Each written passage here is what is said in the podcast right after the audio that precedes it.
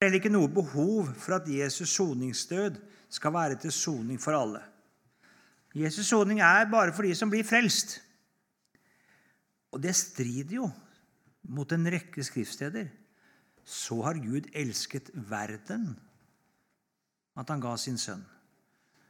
Ehm, og han er en soning for våre synder, og det er ikke bare for våre, men også for hele verdens.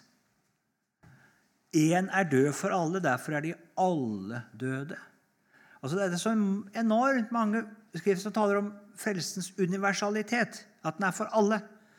Men da må disse omtolkes og underordnes et overordnet synspunkt. Og det har altså dette med Guds majestet og allmakt, og at ikke Gud vil at alle skal bli frelst. og da, kan, da må disse versene på en måte forstås i lys av denne læren. Det er en problematisk måte å lese Bibelen på. Du bør egentlig endre din lære når den kommer i konflikt med klare bibelsteder. Men her må bibelstedenes forståelse underordnes læren. Det neste uttrykket, 'irresistible grace', uimotståelig nåde, altså siden utvelgelsen og frelsen ene og alene beror på Guds suverene makt, så kan ingen som Gud vil frelse, motstå Guds nådes overbevisning gjennom ordet og ånden. Det er Guds suverene makt som skaper tro og tillit i våre hjerter. Det er ikke hans kjærlighetsinnbydelse og overbevisning på den måten, men det er makten, allmakten, som gjennom dette er virksom, suverent og uimotståelig. Og der hvor de, noen sitter ved siden av hverandre, så er altså denne allmakten til stede overfor den ene. Den andre der er ikke allmakten virksom, for det er Gud vil ikke at den skal bli frelst. Og Derfor så kan ikke den komme til overbevisning og tro av det samme budskapet. For det er ikke selve budskapet og, og innholdet og Guds nådesord som skaper det, men det er allmakten i det. Og den er bare virksom overfor de Gud vil skal bli frelst. Skal bli frelst. Så de som da ikke Gud vil skal bli frelst, de er ikke gjenstand for Guds nådevirkninger. De er ikke det. Der er ordet helt maktesløst. Guds ånd helt maktesløst. Ja, de forsøker ikke engang Guds ånd. De skal ikke bli frelst. De er døde i forhold til Gud. Så i kraft av Guds forutbestemmelse er det Gud da gjenføder de mennesker han vil frelse. Han forandrer deres sinn og vilje, slik at de kan bli omvendt og komme til tro.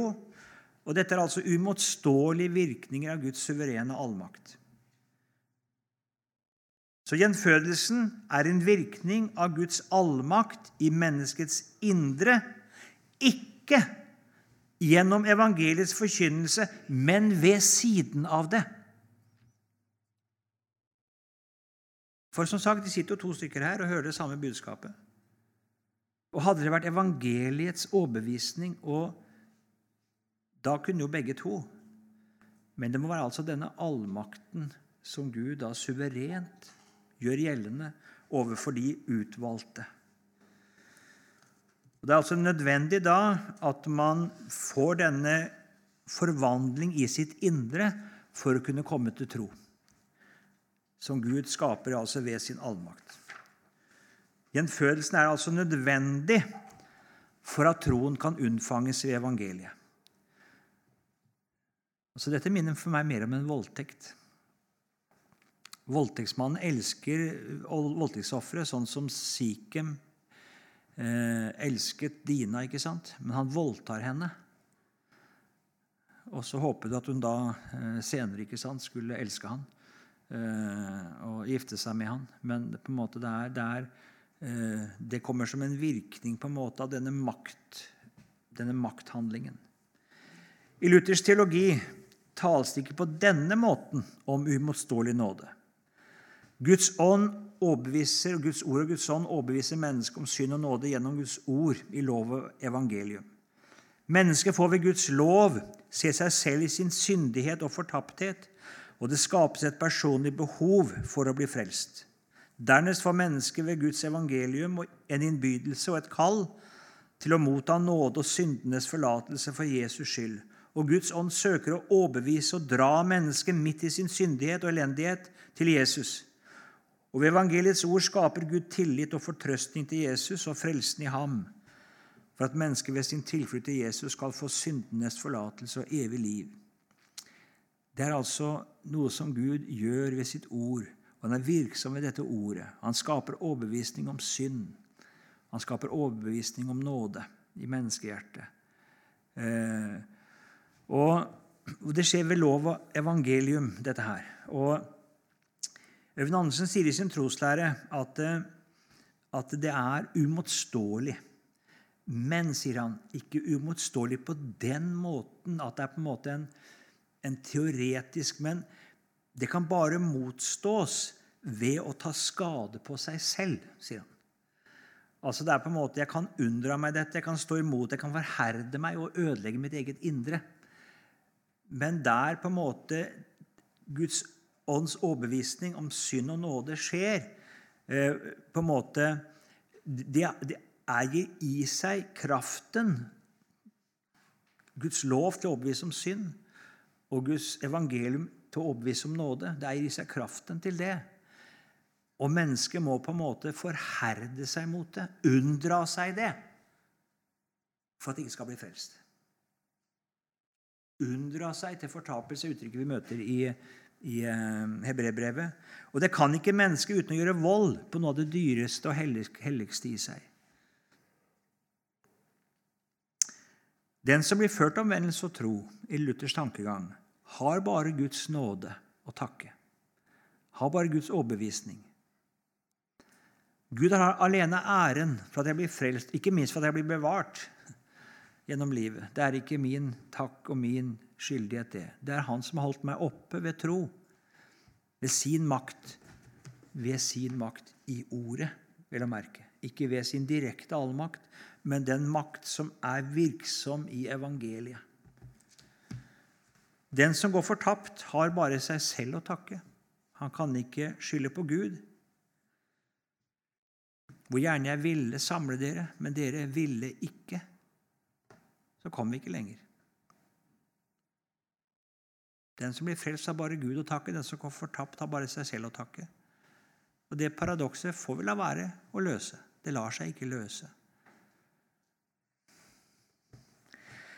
Det siste, 'perseverance of the saints', bevarelse av de hellige fra frafall. Altså på samme måte som Gud ved sin suverene makt gjenføder et menneske og skaper troen i dets indre, så helliger Gud den troende og bevarer ham fra frafall. Den som Gud har tatt seg av, han står i en daglig kamp mot synden, men Gud vil sørge for at han ikke faller fra. Den som som sagt tilsynelatende faller fra, har egentlig aldri vært frelst. Det var, bare et, det var bare i det ytre, men det var ikke en virkelig levende og sann tro. Dette mennesket har egentlig aldri vært frelst. Det har bare sluttet seg til menigheten og på en måte tatt ved eh, synspunkter og sånn, men det har ikke vært frelst. For da ville det ikke falt fra. Det kan det ikke.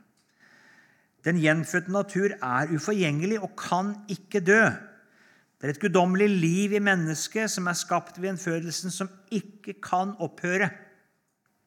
Så selv i mørk, fallets mørke så forblir den gjenfødte et Guds barn, og han kan ikke falle fra eller miste Den hellige ånd. Og Likevel legges det veldig sterk vekt på at de utvalgte vokser i helliggjørelse. Det er selve beviset på at de er utvalgt. Uten helliggjørelse skal ingen se Herren, er et veldig sentralt ord i denne sammenheng.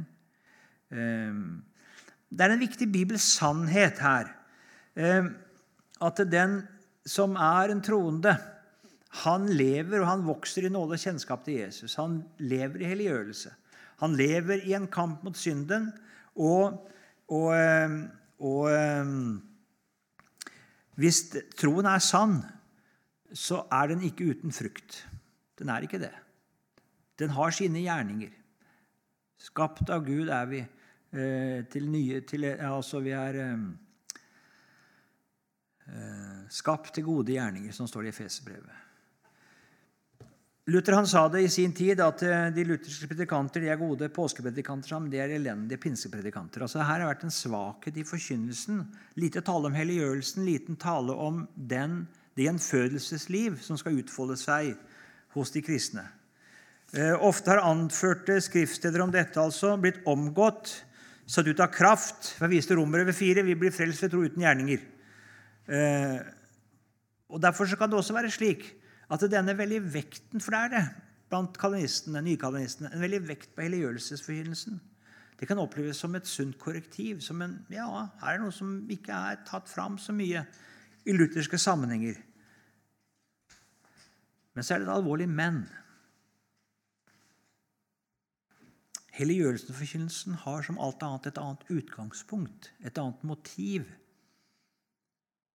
enn i Luthers sammenheng, og jeg mener også i Bibels sammenheng. Det blir noe lovisk over helliggjørelsesforkynnelsen.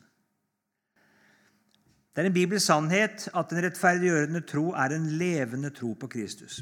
Og den får sine virkninger i livet. Men disse troens frukter, hvor sterke eller svake de enn er, har ingen betydning for min stilling overfor Gud den er av nåde alene, for Jesus skyld alene, ved troen på Jesus alene. Derfor er på dommens dag bare ett spørsmål om jeg finnes i Kristus. Er det eneste det spørres om når det gjelder min nådestand. Dette vil nok en nykalvinist i for seg stemme i. Men så vil han påpeke at uten troens frukt, uten helliggjørelse, så er det ikke troens liv. Så er troen bare en tanke i hodet. Og det må vi gi han rett i.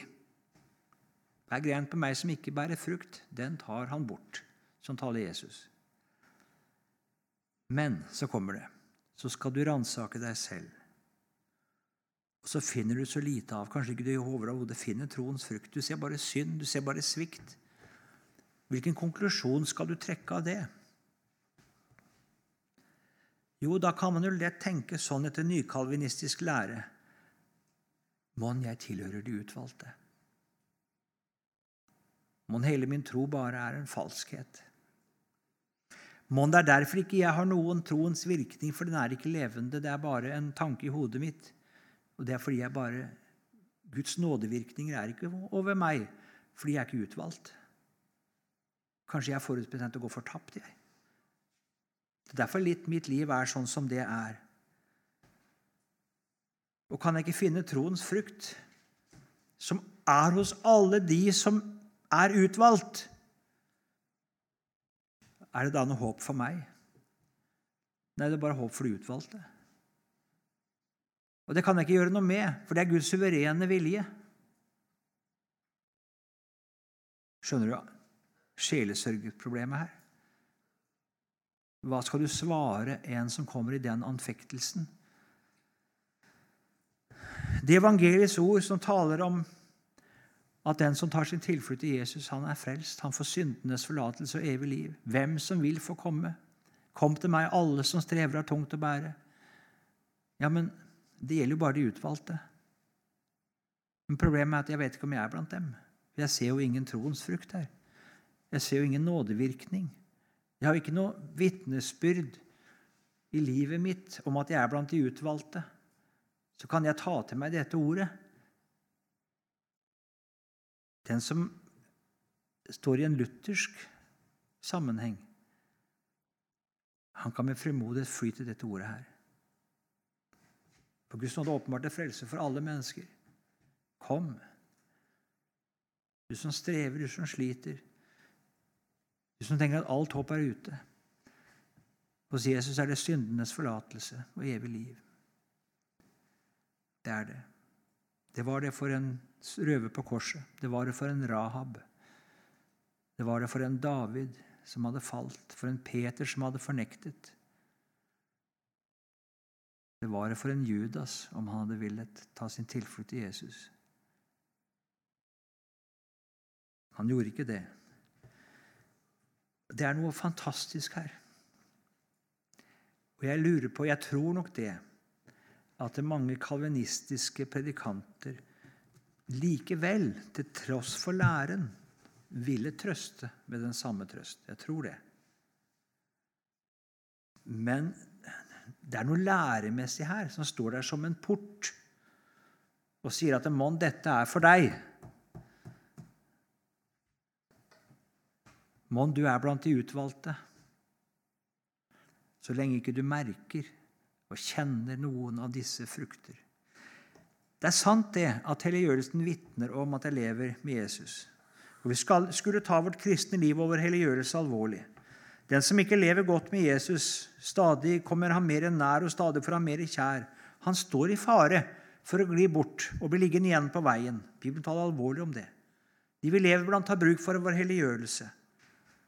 Og vi skulle så gjerne leve mer til Jesu ære. Vi skulle det. Skriften sier det. Helliggjørelsen er viktig fordi Skriften sier at vi kan falle fra.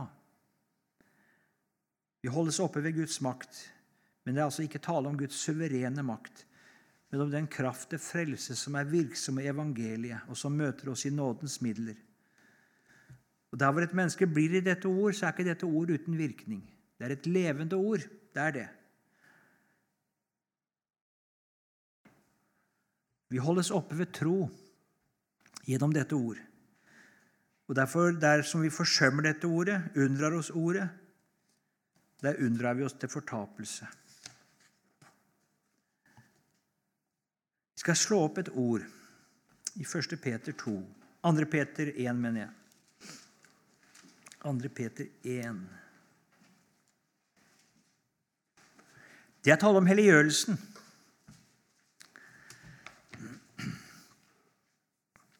Vi skal ta med der fra vers 3. 2. Peter 1. Ettersom Hans guddommelige makt Ja, her møter Guds guddommelige makt, gjør vi ikke det? Har gitt oss alt som tjener til liv og Guds frykt. Ja, Men hvordan, hvor er denne makten virksom hen? Ved kunnskapen om Ham som har kalt oss ved sin egen herlighet og kraft. Altså ved kunnskapen om Jesus, ved ordet om Jesus, altså. Det er denne makten virksom. I evangeliet. Husk på, Og så har han kalt oss ikke etter vår herlighet og kraft, men etter sin. Det er enda godt. Og gjennom dette, altså gjennom evangeliet, har gitt oss de største og mest dyrebare løfter. For at dere ved dem, altså ved løftene, ikke ved Guds suverene makt, men ved løftene, skulle få del i guddommelig natur i det dere har, eller etter at dere har flyktet bort fra fordervelsen i verden som kommer av lysten. Og så kommer det nå, om dette med helliggjørelsen. Så legger nettopp derfor all vind på at dere i troen viser dyd. I dyden skjønnsomhet, og i skjønnsomheten avhold, og i avholdet tålmodighet, og i tålmodigheten gudsfrykt, og i gudsfrykten broderkjærlighet, og i broderkjærligheten kjærlighet til alle. For når disse ting finnes hos dere og får vokse, viser de at dere ikke er uvirksomme eller ufruktbare i kunnskapen om vår Herre Jesus Kristus. Ikke uvirksom eller ufruktbar, altså i evangeliet. Evangeliet det bærer sin frukt i livet. Det utfolder seg i et nytt sinn. Men den som ikke har disse ting, han er nærsynt og blind og har glemt renselsen fra sine gamle synder. Og se hva som kommer nå. Vær derfor desto mer ivrige, brødre, etter å gjøre deres kall og utvelgelse fast. For når dere gjør dette, skal dere aldri noen gang snuble, for på denne måten skal det rikelig bli gitt dere inngang i vår Herre og Frelser Jesu Kristi evige rike. Hvis utvelgelsen var noe som var bestemt i evigheten i Guds dekreter, kan jeg da gjøre min utvelgelse fast? Er ikke Gud suveren som gjør den fast, og har gjort den fast? Men Her er det altså tale om det at ved å leve i evangeliet, ved å leve i renselsen fra sin synd, ved en daglig omvendelse, så kan jeg befestes i Guds nåde. Jeg kan bli fastere i min kristenstand, i mitt kall og min utvelgelse. Og jeg kan få rikelig inngang, dvs. Si at jeg kan bli til frelse for andre. Jeg kan få noen med meg. Det kan være et frukt i livet mitt. Det er ikke noe statisk. Jeg oppfordres her til å leve med Jesus, leve evangeliet. Og på denne måten så befestes jeg. Jeg gjør utvelgelsen min fast.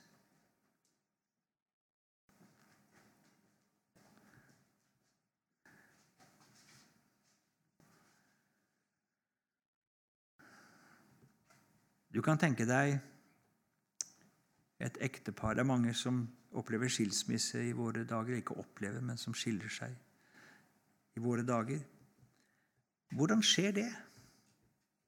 Jo, man ble viet en dag, ikke sant, og det var glede. Men så er det ikke noe hjertens forhold. Man lever ikke i tilgivelse. Man snakker ikke ut. Man vokser fra hverandre, som mange sier. Lever hvert sitt liv mer og mer. Det er ingen hjertelig forening. Og så befestes man ikke i ekteskapet. Man befestes ikke i sitt ekte kall. Og den utvelgelse, at man ble utvalgt av den andre for å være den, og så endrer det med at de går hver sin vei. Det er akkurat slik i forholdet til Jesus. Hvis du lever med Jesus, og du lever i det kjærlighetens samfunn du, har, du er kalt til, i en daglig renselse fra din synd, hvor du stadig opplever Hans nåde og godhet og kjærlighet til deg, Hans tilgivelse, Hans nåde som er ny hver morgen, så fornyes du og befestes mer i glede for å være Hans. Du bindes til Han, og Han bindes til deg. Han er bundet til deg, men du bindes til Han, og du befestes, slik at du aldri skal snuble og falle fra Han. Det står det her.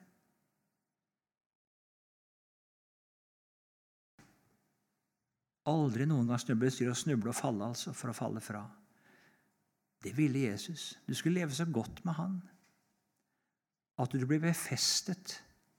Men husk på det du kan ikke tale om sånt hvis en gang frelst, alltid frelst. Men her er nettopp talt om det at det er mulig altså å leve slik med Jesus at du skal bli bevart og nå fram. Og ikke bare det, men også bli til velsignelse å få noen med deg. Men det avhenger av at du virkelig gjør deg bruk av løftene i evangeliet og lever i dem og kjemper med dem og utfolder det livet som du er kalt til. En, blant, en plante som vokser og utfolder seg, den trenger næring. Den trenger å skyte dype røtter. Og Det er nettopp dette livet utfolder seg der hvor du skyper dype røtter i frelsen i Jesus. Der skjer det. Det er ikke noe statisk, det er ikke noe automatisk. Det er noe levende, en levende livsforbindelse med Jesus i evangeliet. Sånn er det ordet taler. Det er noe mye mer statisk, distansert, intellektuelt i det kalvinistiske. Noe mer, Det er liksom det er Guds suverene makt. Ja. Da er vi framme ved konklusjonen. I Calvins teologi er det lite plass for det som Skriften kaller Guds svakhet og dårskap. Alt forstås ut fra Guds suverene allmakt og herlighet. Men som sagt, ifølge Skriften er, har Gud funnet det for godt å frelse dem som tror, ved forkynnelsens dårskap. Og ved den dåraktige forkynnelsen av Guds svakhet, dvs. Si kjærlighet som gir sin egen sønn i døden på et kors for fortapte syndere, så søker Gud å dra mennesker til seg. Kunne han ikke gjort det på en annen måte? Kunne han ikke Ja, så har han brukt svake mennesker til å være budbringere. Kunne han ikke brukt engler?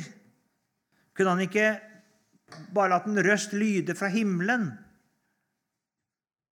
Og vi har en skrøpelige menigheter som er så fulle av mangler og feil og så er det om den han vil åpenbare seg og sin frelse. Det er jo, det er jo så svakt.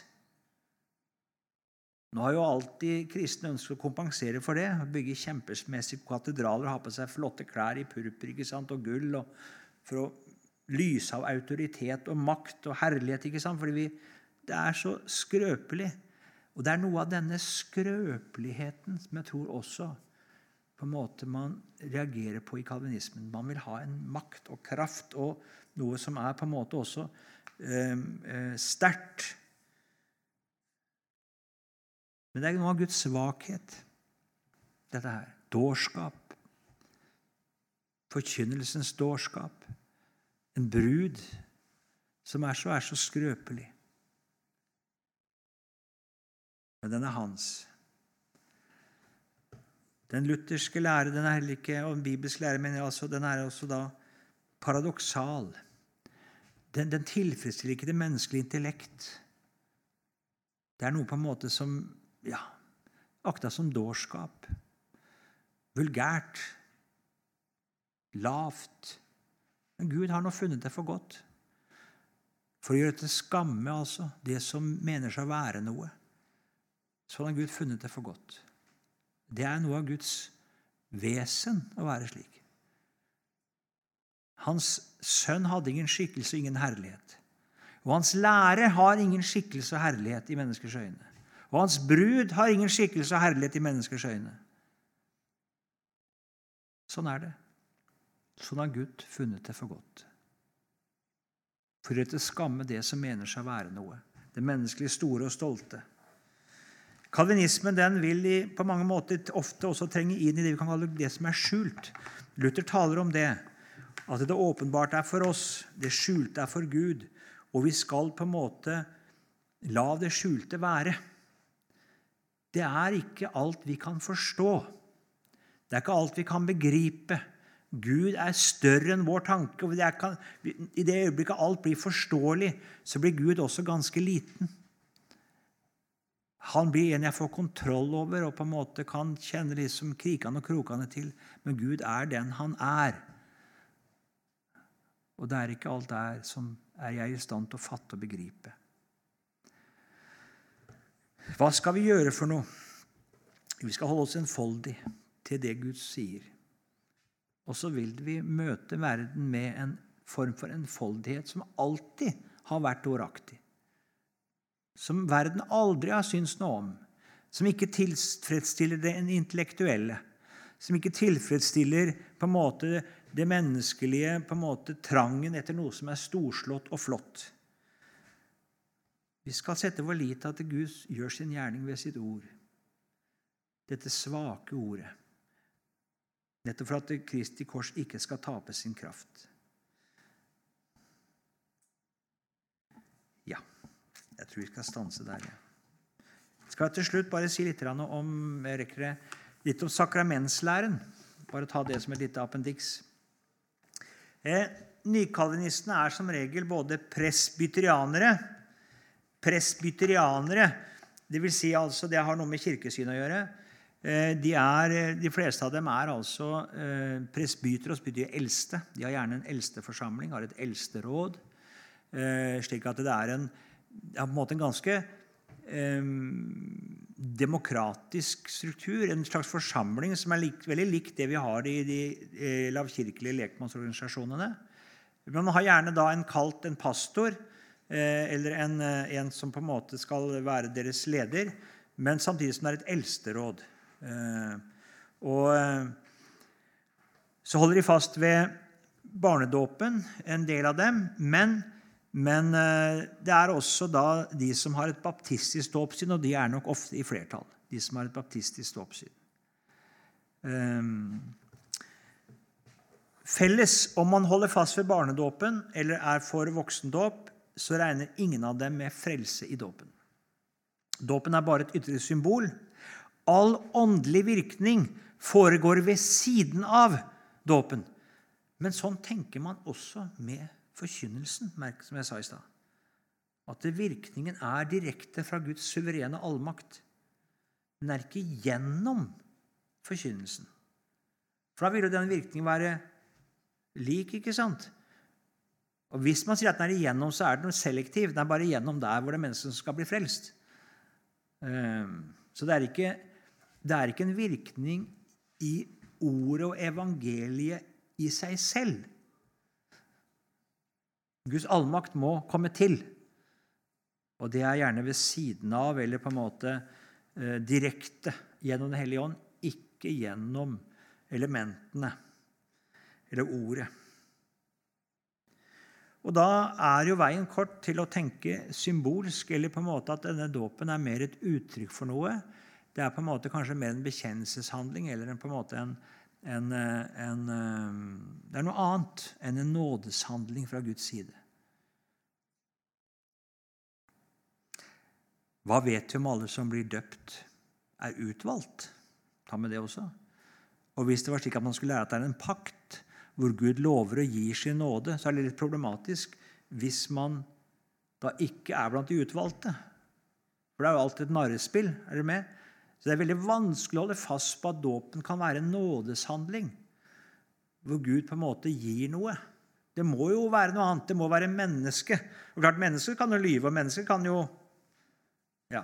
Så det, vil, det blir veldig vanskelig å lære bibelsk pga. utvelgelseslære. Så dåpen blir forstått igjen pga. utvelgelseslæren som noe mennesket gjør. Du kan ikke lære at det er Gud som handler i dåpen. For dermed så strider det mot Da det er jo bare narrespill. ikke sant? Da er det jo bare at Gud holder mennesker for narr og tilsier dem del med Jesu død oppstandelse, men mener ikke noe med det, for det er jo bare for de utvalgte. Sånn som i nattverden. Vi mottar ingenting, sier Calvin, når vi eter og drikker. Ja, vi mottar jo brød og vin, det gjør vi, men ikke noe annet. Vi spiser ikke og drikker ikke Jesu legeme og blod under brødets og vinens skikkelse. Eh, husker Boris Moser han ble, når han flyttet til Lausanne i Sveits, eh, så ville han prøve å finne en forsamling. og så Lutherske forsamlinger er jo så liberale, så det var ikke så mye. Men jeg fant en kalvinistisk forsamling der som sier at vi er bibeltro, vi er ikke karismatiske, sto det på hjemmesida. Jeg tenkte ok, gå dit, sa jeg. Og så kom han, så skulle de ha nattverd, og sa at det gikk ikke sånn. For de brukte jo liksom hele innledningen til å si at dette, dette er ikke Jesu legeme, og det er ikke Jesu blod. altså, Han opplevde det var det de sa, altså. Ikke sant? Vi sier 'dette er Jesu legeme, dette er Jesu blod'. Det var nesten som det var sagt 'dette er ikke det'. Dette er ikke det. Eh, og da syntes han det var litt vanskelig å gå til nattvær i den forsamlingen. og det skjønner jeg jo. Derfor det lærer man. Det er ikke Jesu legeme og blod vi mottar gjennom elementene. Hvis vi gjør det, hvis vi mottar Jesu legeme og blod, så skjer det i hvert fall da ved siden av, på rent åndelig måte, formidlet ved Den hellige ånd. Hos Calvin så har dette et filosofisk utgangspunkt. Det kan du ta med dere, dere som eh, har noen hjernevinninger igjen nå. Eh, og Det viser noe om dette intellektuelle, dette eh, jeg kaller det rasjonelle og jeg vil til dels si rasjonalistiske i Calvins lære. Det er en filosofisk idé som sier det et slags grunnprinsipp, på en måte. At det som er endelig, altså det som har, et, det som har en begrensning, det som er endelig i størrelse, i omfang, kan ikke inneholde det uendelige. Det høres veldig logisk ut, ikke sant? At eh, hvis jeg har en liten boks på 5 ganger 5 cm, så kan jeg ikke få putta sola ned i den. Det går ikke. ikke sant? Den er så enorm. Det kan ikke få plass inni der. Nå er jo også sola endelig, da. Så, men hvis det virkelig er uendelig, kan ikke få universet plassert nedi den boksen. Det går jo ikke. Ja, Guds sønn er uendelig. Hans guddom er uendelig. Da kan ikke Guds sønn rommes i brød og vin. Det går ikke. Det lar seg ikke gjøre. Derfor kan ikke brød og vin være annet enn brød og vin. Det kan ikke være Jesu legeme og blod. For det uendelige kan ikke rommes av det endelige. Eh, så det er utgangspunktet. Den filosofisk utgangspunkt. Så kan du stille spørsmålet hvordan er det da med Jesu legeme? Kan Guds sønn bli menneske? er det mer mulig å bli at mennesket Jesus Kristus kan være Gud. At hele guddommens fylde kan ta bolig i det menneskelige legemet. Er det mulig? Ja, Bibelen sier det. Men det er jo like filosofisk umulig. Så det er, Jeg, må, jeg syns det er veldig underlig at man bruker dette utgangspunktet når det gjelder nattværelementene men ikke uten videre overføre det på Jesus Kristus. For det er like filosofisk umulig ved Jesus Kristus. Men jeg bare tar det fram for å si at noe av dette er noe av det problemet med Calvin og, og nykalvinismen. Den, den, har den har mye mer et rasjonelt, filosofisk utgangspunkt, og det styrer forståelsen. Ikke skriftordene. Hva sier Luther? Jesus sier 'dette mitt legeme, dette mitt blod'. Ja, da tror jeg det. Forstår det ikke, fatter og begriper det ikke, men Jesus sier det. Eh, Svingli han sa det, og da sier vi også, tror vi det ikke sant, at Guds ånd er virksom gjennom ordet. Gjennom nådemidlene. Nei, sier Svingli. Guds ånd trenger ingen vogn. Han kan komme direkte. Og Selv om ikke Calvin sier det samme, så blir det litt av det samme. At Guds innvirkning er på en måte direkte. Det er ikke gjennom nådens midler, men det er ved siden av. Ved siden av. Der er lutherdommen et nådemiddel. kan lese i Bygstads bok, så er veldig opptatt av det. At det er en nådemiddel eh, tro. Gud er virksom gjennom nådens midler. Han har funnet for godt det å frelse den som tror ved forkynnelsens dårskap. Han har funnet for godt å formidle sin nåde gjennom ytre ting for våre sanser. Ikke direkte, ikke ved siden av og direkte på vårt hjerte, men gjennom nådens midler. Der er en vesensforskjell mellom lutherdom og veldig mye av det vi kaller reformert teologi. Eh, bare ta et lite eksempel. Derfor kan du høre ofte mennesker sier det. De kanskje har til, og så kan de si at 'jeg følte at Guds ånd var der'. Det er en som borte i England eller Skottland hvor det er, altså som, eller Irland hvor det er, som har det som et sted, sånn retreat-sted nærmest. og der var et, Utafor der er et kors. Det er ikke noe forkynnelse der, nesten.